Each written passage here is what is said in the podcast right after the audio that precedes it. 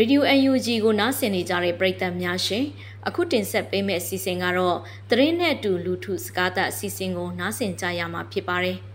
2962နှစ်မြောက်ကရင်ရိုးရာ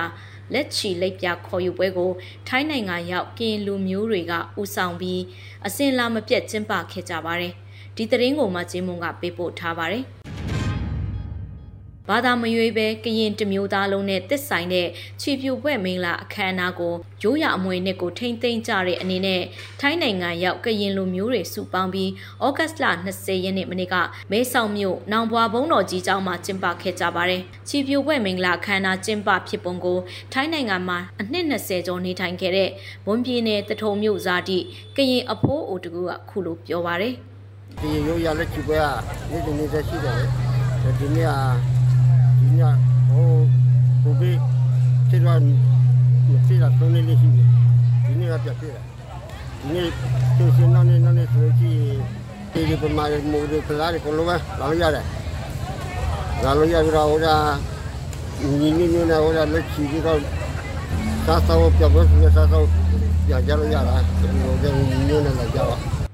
လက်ချီပွဲလို့လဲခေါ်ကြတဲ့ရိုးရာချီပြိုပွဲမင်္ဂလာပွဲကိုမဲဆောက်ရောက်မြန်မာစာတင်ကျောင်းတွေကလည်းကူညီခဲ့ကြပြီးရန်ပုံဝေဝိုင်းဝန်းရှာပွဲပေးတာတွေပွဲကျင်းပခွင့်ရဖို့အတွက်ထိုင်းအာနာပိုင်တွေကိုရှောက်ထားရတာတွေစတာတွေကိုဝိုင်းဝန်းဆောင်ရွက်ပေးကြပါတယ်။သွေးသက်မြန်မာစာတင်ကျောင်းရဲ့ကျောင်းအုပ်ကြီးကကရင်ရိုးရာချီပြိုပွဲမင်္ဂလာပွဲမှာပါဝင်ဆောင်ရွက်ဖြစ်ပုံကိုအခုလိုပြောပါတယ်။ကျွန်တော်တို့ကကျောင်းဆရာကြီးဆိုတော့ကျွန်တော်ရှိမှတက်နေတဲ့ကလေးတွေရဲ့ကာရှာပေါ့နော်။သူတို့ရိုးရာဒလေးတွေမပြောက်အောင် သက်ဆိုင်ရာလူကြီးတွေနဲ့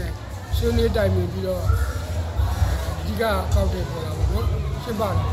ထိုင်းနိုင်ငံမဲဆောက်မြို့ရောက်မြန်မာတိုင်းသား85ရာခိုင်နှုန်းကကရင်လူမျိုးတွေဖြစ်ပြီးမြန်မာနိုင်ငံအတွင်းဖြစ်ပွားဆဲစစ်ပေးဒုက္ခတွေအလုတ်ကိုင်ရှားပါမှုတွေကြောင့်ထိုင်းနိုင်ငံကိုရွှေ့ပြောင်းလာကြသူတွေပဲဖြစ်ပါတယ်။ဒါကြောင့်မဲဆောက်မြို့ထဲပြန့်ကျဲရောက်ရှိနေတဲ့ကရင်လူမျိုးတွေကတစ်နှစ်တစ်ခါကျင်းပတဲ့အခုလိုရိုးရာပွဲမှာစုစုစည်းစည်းပြန်လည်တွေ့ဆုံကြတာဖြစ်ပါတယ်။ လက်ချီပွဲကိုတက်ရောက်လာတဲ့ထိုင်းနိုင်ငံရောက်ကော့ကရိတ်မြို့ဇာတိကရင်အမျိုးသားတို့ကအခုလိုပြောပါတယ်။ပမာပြည်မှာကြတော့ဟိုဒီတက်ဟိုပြီးတော့ဟိုလွတ်လာတယ်ပေါ့နော်ကျွန်တော်တို့နောက်လူတယ်ဟိုများတယ်ကြွာကြွာတိုင်းပေါ့နော်ဟိုပမာပြည်မှာဆိုရင်လေဒီမှာကြတော့ဟိုကြွာဘောင်းစုံစုံနေတဲ့အချိန်လည်းဖြစ်တယ်